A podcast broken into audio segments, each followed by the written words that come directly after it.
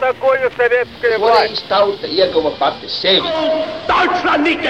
Liktenīgas nejaušības un slēptas likumsakarības, subjektīvas patiesības un objektīvi aizspriedumi. Pēc atkušņa nekad nenāk uzreiz pavasars, bet sākās Arī šodien cilvēki ir ļoti tuvredzīgi. Viņi redz to naudu, kas ir. Televīzijā jau pamatā notiek cīņa par varu. Pagātne no šodienas skatu punkta un šodienas caur pagātnes prizmu. Raidījumā šīs dienas acīm. Katru svētdienu Latvijas radio eterā Eduards Liniņš. Labdien, cienījamie klausītāji! Šodien vēlos pievērsties vairākām izcilām personībām, kurām šajā gadā aprit iezīmīgas jubilejas. Kā pirmais šai sarakstā - filologs, folklorists Jēkabs Lautenbachs, pazīstams arī kā dzēnieks Jēkabs Jūsmiņš. Tērbatas Universitātes un vēlāk Latvijas Universitātes mācības spēks. 20. jūlijā apritēja 175 gadi kopš Jēkaba Lautenbacha dzimšanas.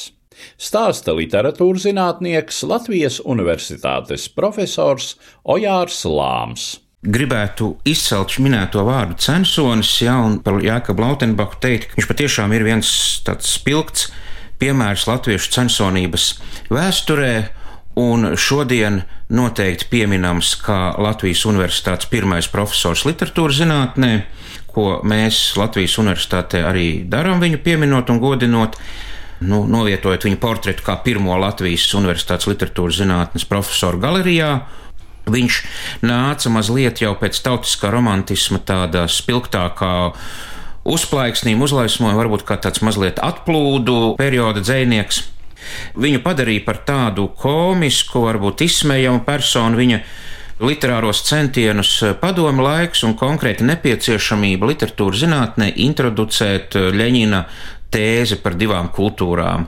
To mēs redzam viscaur eh, tajā padomu laika literatūra vēstures interpretācijā, bet tieši šis tautiskā romantisma laiks bija viss tāds spilgtākais, vispiemērotākais, jo tur varēja ļoti labi redzēt, kā tas tautiskais romantisms izsīkst, kā tā poētika sāk sevi atražot, un, nu, teiksim, kā Lautenbaks nāk jau varbūt ar tādiem tīri formāliem meklējumiem un vairs nenes tālāk tās sabiedriskās idejas, ko tautiskais romantisms pieteica. Bet atgriežoties pie viņa tādas izcelsmes, pie pamatiem, no kurienes viņš nāk, tad, viņš ir kurzemes dēls, no nu, ar tādu raksturīgu izteiktu kurzemnieka skatu uz dzīvi, ar zinām tādu spītību, neatlaidību, nu kā arī viņa laika biedri raksta arī ar tādu diezgan spēcīgu temperamentu. Tad dzimis saimnieka ģimenē Matkulas eh, pagastā, bet nu, arī tā ģimene varbūt nebija tik turīga, lai varētu tā ļoti raiti nodrošināt dēla izglītību. Mācījies viņš ir Kuldīgā dažādās skolās, sākotnēji strādājis par mājas skolotāju, sabilas apkārtnē, un tad, tad arī tieši par sabilas dzīves novērojumiem tur viņam ir pirmās publikācijas rendā. Viņš arī strādājis par mājas skolotāju, par rakstvedi, tātad pagasta skrīveri, nu arī atstājis tādas liecinājumus par to, cik viņš darbā jutās slikti, kā viņš centās no tā izrauties un kā viņš tiecās pēc kādiem plašākiem apvāršņiem, bet līdz augstskolai viņš nonāk tikai 28 gadu vecumā. Nu, izvēlās viņš gan studēt teoloģiju, kas tajā laikā bija viena no tādām raksturīgākajām izvēlēm un droši vien arī ar praktiskiem apsvērumiem, bet eh, šajā darbā viņš nav nekad strādājis. Viņa filoloģiskās prasmes tiek pamanītas studiju laikā, un viņš tiek uzaicināts darbā Tērbats Universitātē sākotnēji par latviešu valodas lektoru. Jā, tad praktiski latviešu valodas mācīšanu. Un tad uz tā balstoties, nu, viņš izauga par tādu nopietnu zinātņu vīru, tiešām par filologu, folkloristu, literatūras zinātnieku, kura interešu lokus ir ārkārtīgi plašs, sākot no folkloras. Viņš varētu teikt, liek pamatu salīdzinājumai folkloristikai Latvijā, rakstot par latviešu un lietuviešu sakām vārdiem un citiem folkloras materiāliem. Viņš ir arī pasaules literatūras pētnieks un Latvijas universitātes sākuma gados apgādā students ar mācību līdzekļiem šajā jomā.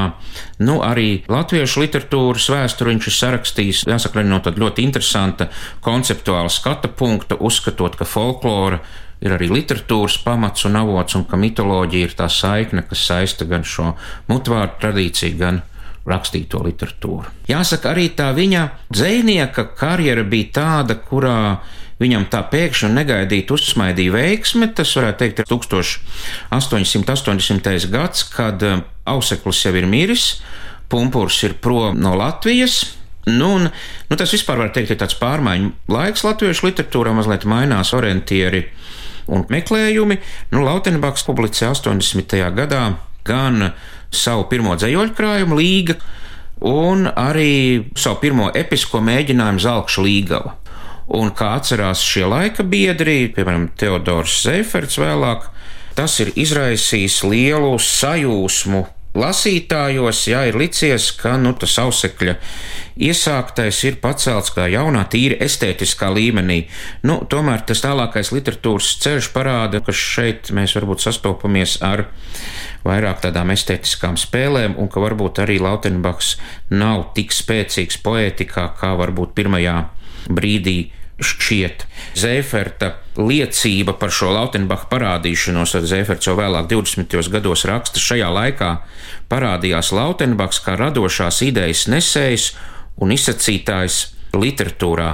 Tā bija tautiska ideja, pacelāta tautiskā dziļuma doma, kas latvietim iedvesa savas vērtības, apziņu, pašcieņu, zināmu lepnumu. Latviešu pilsonis un inteliģents nu šķitās patiesi kaut kas cits nekā viņam līdz stāvošie citautieši, bet nekādā ziņā ne zemāks, ne mazvērtīgāks par tiem.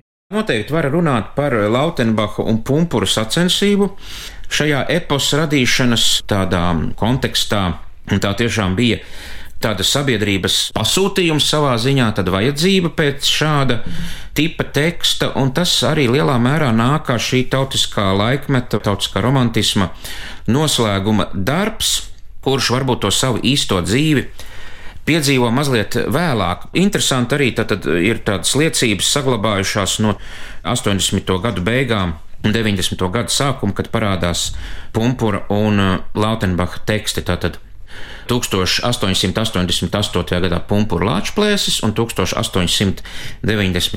gadā Lautenbacha uh, eps uh, Niedrīšu vidvuds, kurš arī salīdzinot ar pumpuru ir daudz tāds apjomīgāks, izvērstāks, bet, nu jā, viņam piemīt arī dažas tādas lietas, kuras neļauj arī šim tekstam tā labi iedzīvoties latviešu literatūras vēsturē. Bet kas ir būtiski? Tajā laikā, kad šie abi teksti parādās, ir jau tas tautiskā romantisma laiks pagājis.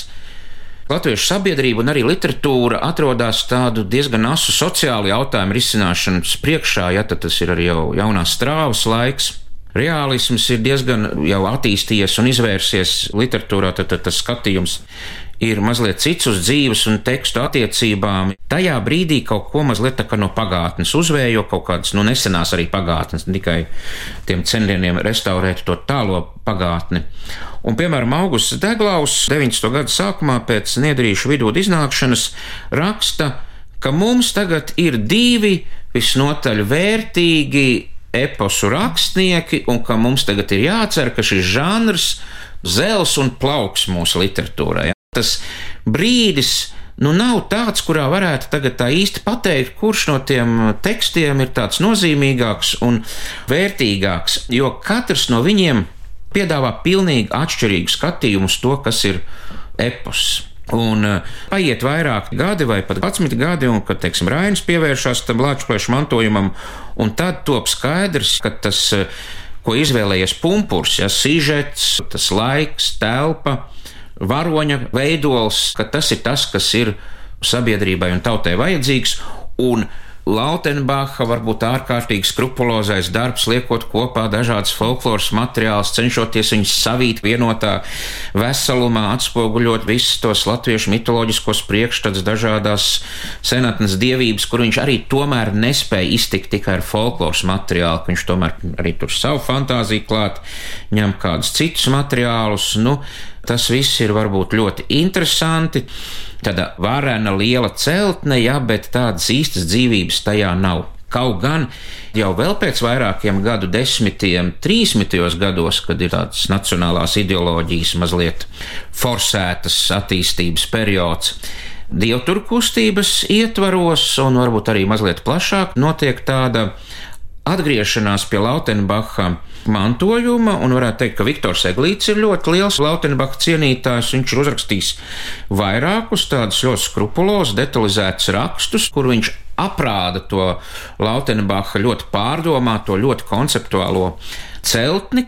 Tātad niedrīšu vidū tā, bet jā, tad mēs varam tos Lautenbacha centienus novērtēt, bet tas tomēr nu, nepadara to par tādu dzīvīgu uz mums runājošu mākslas darbu, ja mēs viņu tomēr redzam vairāk kā kultūra vēsturisku fenomenu, kādu alternatīvu eposu izpratnē, bet varam tomēr konstatēt, ka nu, 19. gadsimta beigās, 20. gadsimta tāda veida epos, kurš pie tam nav nu, tāds mantots epos, bet tomēr ir radīts, ka viņš īsti nefunkcionē.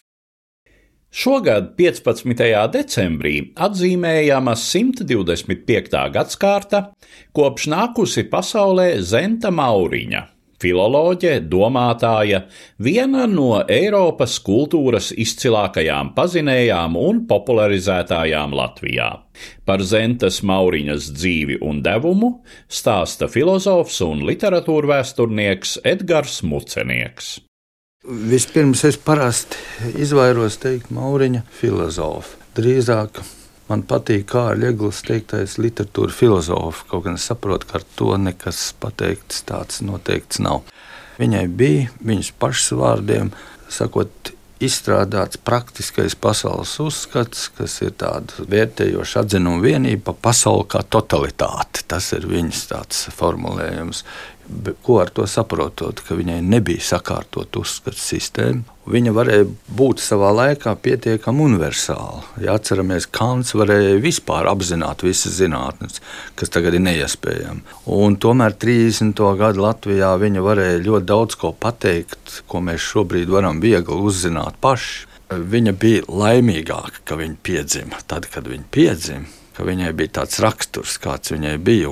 Tas bija diezgan nešpatns, jo viņa gribēja vairāk nekā tuvinieki viņai to paredzēja, kāda aktieri to noteica. Viņai radās tāda spītība, vai nu viss, vai nu neko.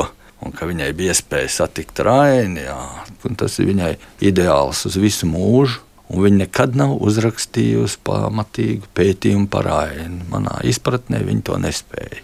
Kāpēc? Līdz šim es neesmu lasījis pētījumu, kur es teiktu, ka kāds ir ticis pilnībā rainim klāt tāda pretrunīga, radoša personība, kur balstās arī uz šo mākslinieku intuīciju un reizē kā jurists zina, ko atstāt pēc sevis un ko nē. Un, nu, viņš rada lielas grūtības pētniekiem. Mm. Vadu motīvu Raina mākslā, jā, kā viņi tā izvelk. Viņa saules meklētājos, kur visplašākā esēja ir, un varbūt tāds, tāds teorētiskāks, tad ir apcerējums arī Latviešu literatūras vēstures sešsējuma izdevumā. Pēc kara viņa uzraksta arī atmiņas, un šajās atmiņās nokārto attiecības ar Aspazī. Citiem vārdiem sakot, tāds neliels reverants, jo jaunībā viņu, viņa nav varējusi ciest, un tas ir saprotams, ja mīl raidi, bet vēlāk viņa saprot un sastopas viņa tādā vientulībā 43. 42. gadā, pēdējā dzīves gados, un tad viņa to saprot, un tad viņa saprot arī, ko nozīmē divu cilvēku kopā būšana, attiecības, ko nozīmē raņa neusticība, ko nozīmē pārkāpt daudz kam pāri. Viņa tāda izpratne pieiet, un tur viņa jau saka, ka viņa tagad saprot, kāpēc Aspazīna nevarēja aiziet no raņa. Kā sieviete viņa nevarēja aiziet, kaut gan viņi bija attālinājušies. Ja mēs runājam par laikmetu, es pilnīgi piekrītu, ka viņi bija brīvvalsts laikmeta cilvēks, kurš tādi briedumi gadi, jaunība pagāja neatkarīgas Latvijas apstākļos, bet 20. gados viņi tikai mācījās vēl Latvijas mm. universitātē. Viņa bija nepazīstama, viņa uzrakstīja pa kādam retam rakstiņam, nolasīja kādu labu lekciju, bet viņa zināja pulciņš studentu. Viņa varēja Ja viņai bija līdzekļi, ja bija pavadoņi, viņa varēja doties pasaulē. Ja viņa būtu piedzimusi 50 gadus vēlāk, tad diezinu, vai viņa būtu apbraukājusi visas tās zemes un tikusies ar visiem tiem cilvēkiem. Tā kā kaut kādā mērā arī tas laiks deva viņai tās iespējas. Viņa bija gadu Itālijā, kur viņa studēja Dantu, iepazinās ar itāļu kultūru tapa grāmata, par ko viņa vēlāk slavē, un itāļu nevelti septiņas grāmatas ir tulkojuši vēlāk itāļu valodā. Tālāk e, šis Somijas brauciens, vesela grāmata, ziemeļtēmas un variācijas, un patiesībā interesi par skandināviem uzskatot Krievi, Skandināvi, tās ir tās zemes, pa kurām mums ir visu laiku jāuztur, ir interese, jāseko, jo nu, tie kaimiņi, tur ir zināms arī vēsturiskas saistības, tulkoja norvēģis gan pastarpināti, izmantojot vācu valodu valodu, jo norvēģi valodu nevarēja kā skalblizēt, tulkot. Tālāk Zviedrijā viņa apguva valodu, bet viņa tā dziļi neiegāja. Gan Zviedrijas literatūrā ir šo to tulkojusi, bet par somiem jāsaka, nu, tur ir viņa nopietni piestrādājusi. Un varbūt tāpēc, ka viņa meklē šīs paralēlas vēsturiskās, kas kaut kādas ar somiem mums bija lielākas. Bet nevarētu arī iedomāties, ka kā tautā teica, brīvvalsts laiki bija viņai tādi ziedu, un tie labākie laiki viņa ļoti sūri un grūti cīnījās tomēr par savu vietu. 20. gadi bija studiju gadi un drusku novēloti, jo viņa iestājās universitātē jau tad, kad viņai jau bija pāri 23 gadiem. Tad vēl mainīja fakultāti, kopā septiņus gadus pavadīja. Viņai bija lieliski mācību spēki, valodniecībā tas bija Enzelīns, filozofijā Teodors Cēlms. Viņa mācījās viņa privāti studijā kontakts vēl pirms sāka studēt un turpināja studiju laikā. Viņa nekļuva par cēlma skolnieci, kurš bija kritiskais realists. Pats viņš sev tādam pieskaitīja, vai kā šodien viņa pieskaita arī feminologiem. Viņa lasīja šos filozofus, pie katra atrada kaut ko sev noderīgu. Viņa veidoja pati savu tādu priekšstatu sistēmu, kā mākslinieks, balstījās uz intuīciju, bet nebija Bergsonieta, nebija tāda Bergsona sekotāja. Viņa uzskatīja, ka viņai kā māksliniekam, kurš pēta kādu radošu personību, Tie atkal viņas var jāieslīd, jāiedziļinās pašā viņa personības būtībā un caur viņu jāiziet uz darbiem tālāk. Viņa skaidro, un tad, tad, tad pats galvenais, raksturojušākais jāatrod, un to viņa arī apcer. Tāpēc par viņu saka subjektīvi, kategoriski. Tas nāk no viņas šīs metodes. Tā nebija arī kaut kas jauns. Heidelbergā, kur viņi studēja, tur viņi atrada jā, jau priekšā Gundolfu, un tur jau bija daudz kas darīts. Runājot par tā laika situāciju, mums te skolu nebija. Bija filozofi, kā Pēters Zālīte, Pauls Dāla, Jurēvičs, Pauls, kuri bija katrs mācījies savā augstskolā un stāstīja to, kas viņam bija tūs.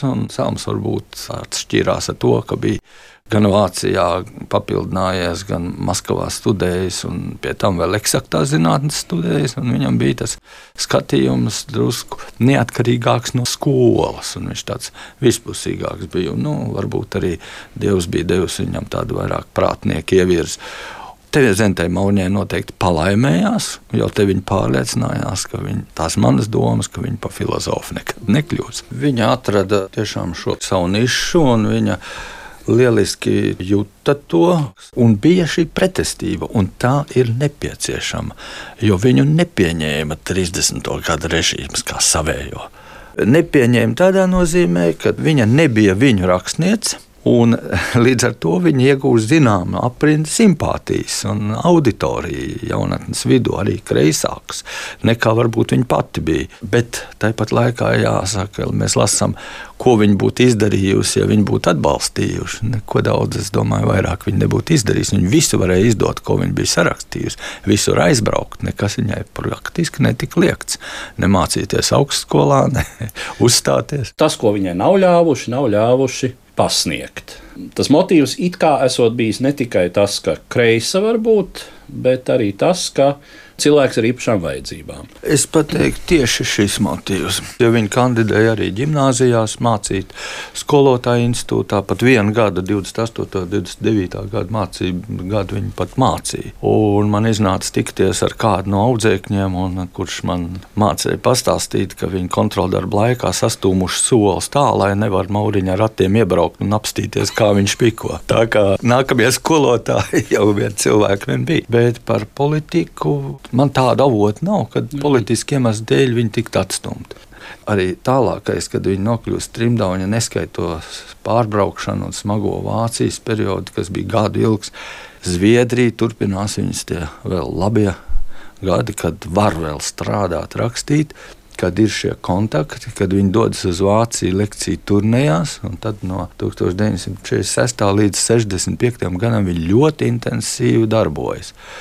Un tā arī neieiet zviedru literatūrā un vidē, to atrodot sev pa svešu, bet toties ļoti tuvinās vācu. Atrod tur savu lasītāju, savu izdevēju, un es domāju, ka šī perioda grāmatas noslēdz viņas to radošo eh, dzīves posmu, kas aizsākas 30. gada sākumā un noslēdzas 60. gada vidū. Pēc tam jau ir atkārtošanās, memoāri un tāds pārdomas par dzīvi.